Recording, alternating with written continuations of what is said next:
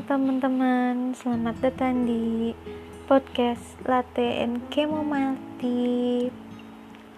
Jadi sebelumnya kita kenalan dulu ya. Pasti kalian yang ngedengerin ini aneh kenapa sih namanya latte dan tea? Karena latte dan tea punya filosofi tersendiri buat aku Latte itu melambangkan sebuah kepahitan yang sudah aku lalui. Di mana espresso dalam latte ini aku lambangkan uh, sebagai kepahitan. Dan susunya ada sebagai usaha-usaha aku dalam menghadapi semua kepahitan itu. Dicampurin ya jadi berhasil deh. Dan yang kedua, chamomile tea.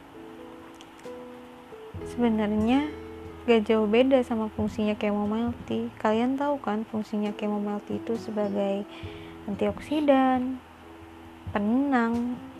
Ya menurut buat aku sendiri sih chamomile tea ya buat penenang. Nah, sama filosofinya. Filosofi chamomile di sini yaitu adalah penenang.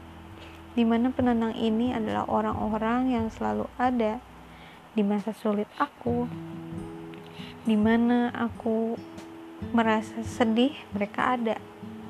Mereka menerima keluh kesah aku mereka menerima curhatan aku dengan tangan terbuka. Mereka yang mengulurkan tangan dan mereka lah si chamomile dan di podcast ini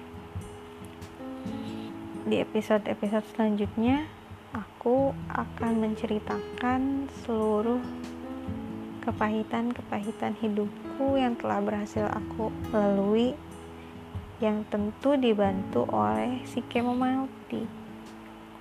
Jadi tungguin terus ya podcast aku.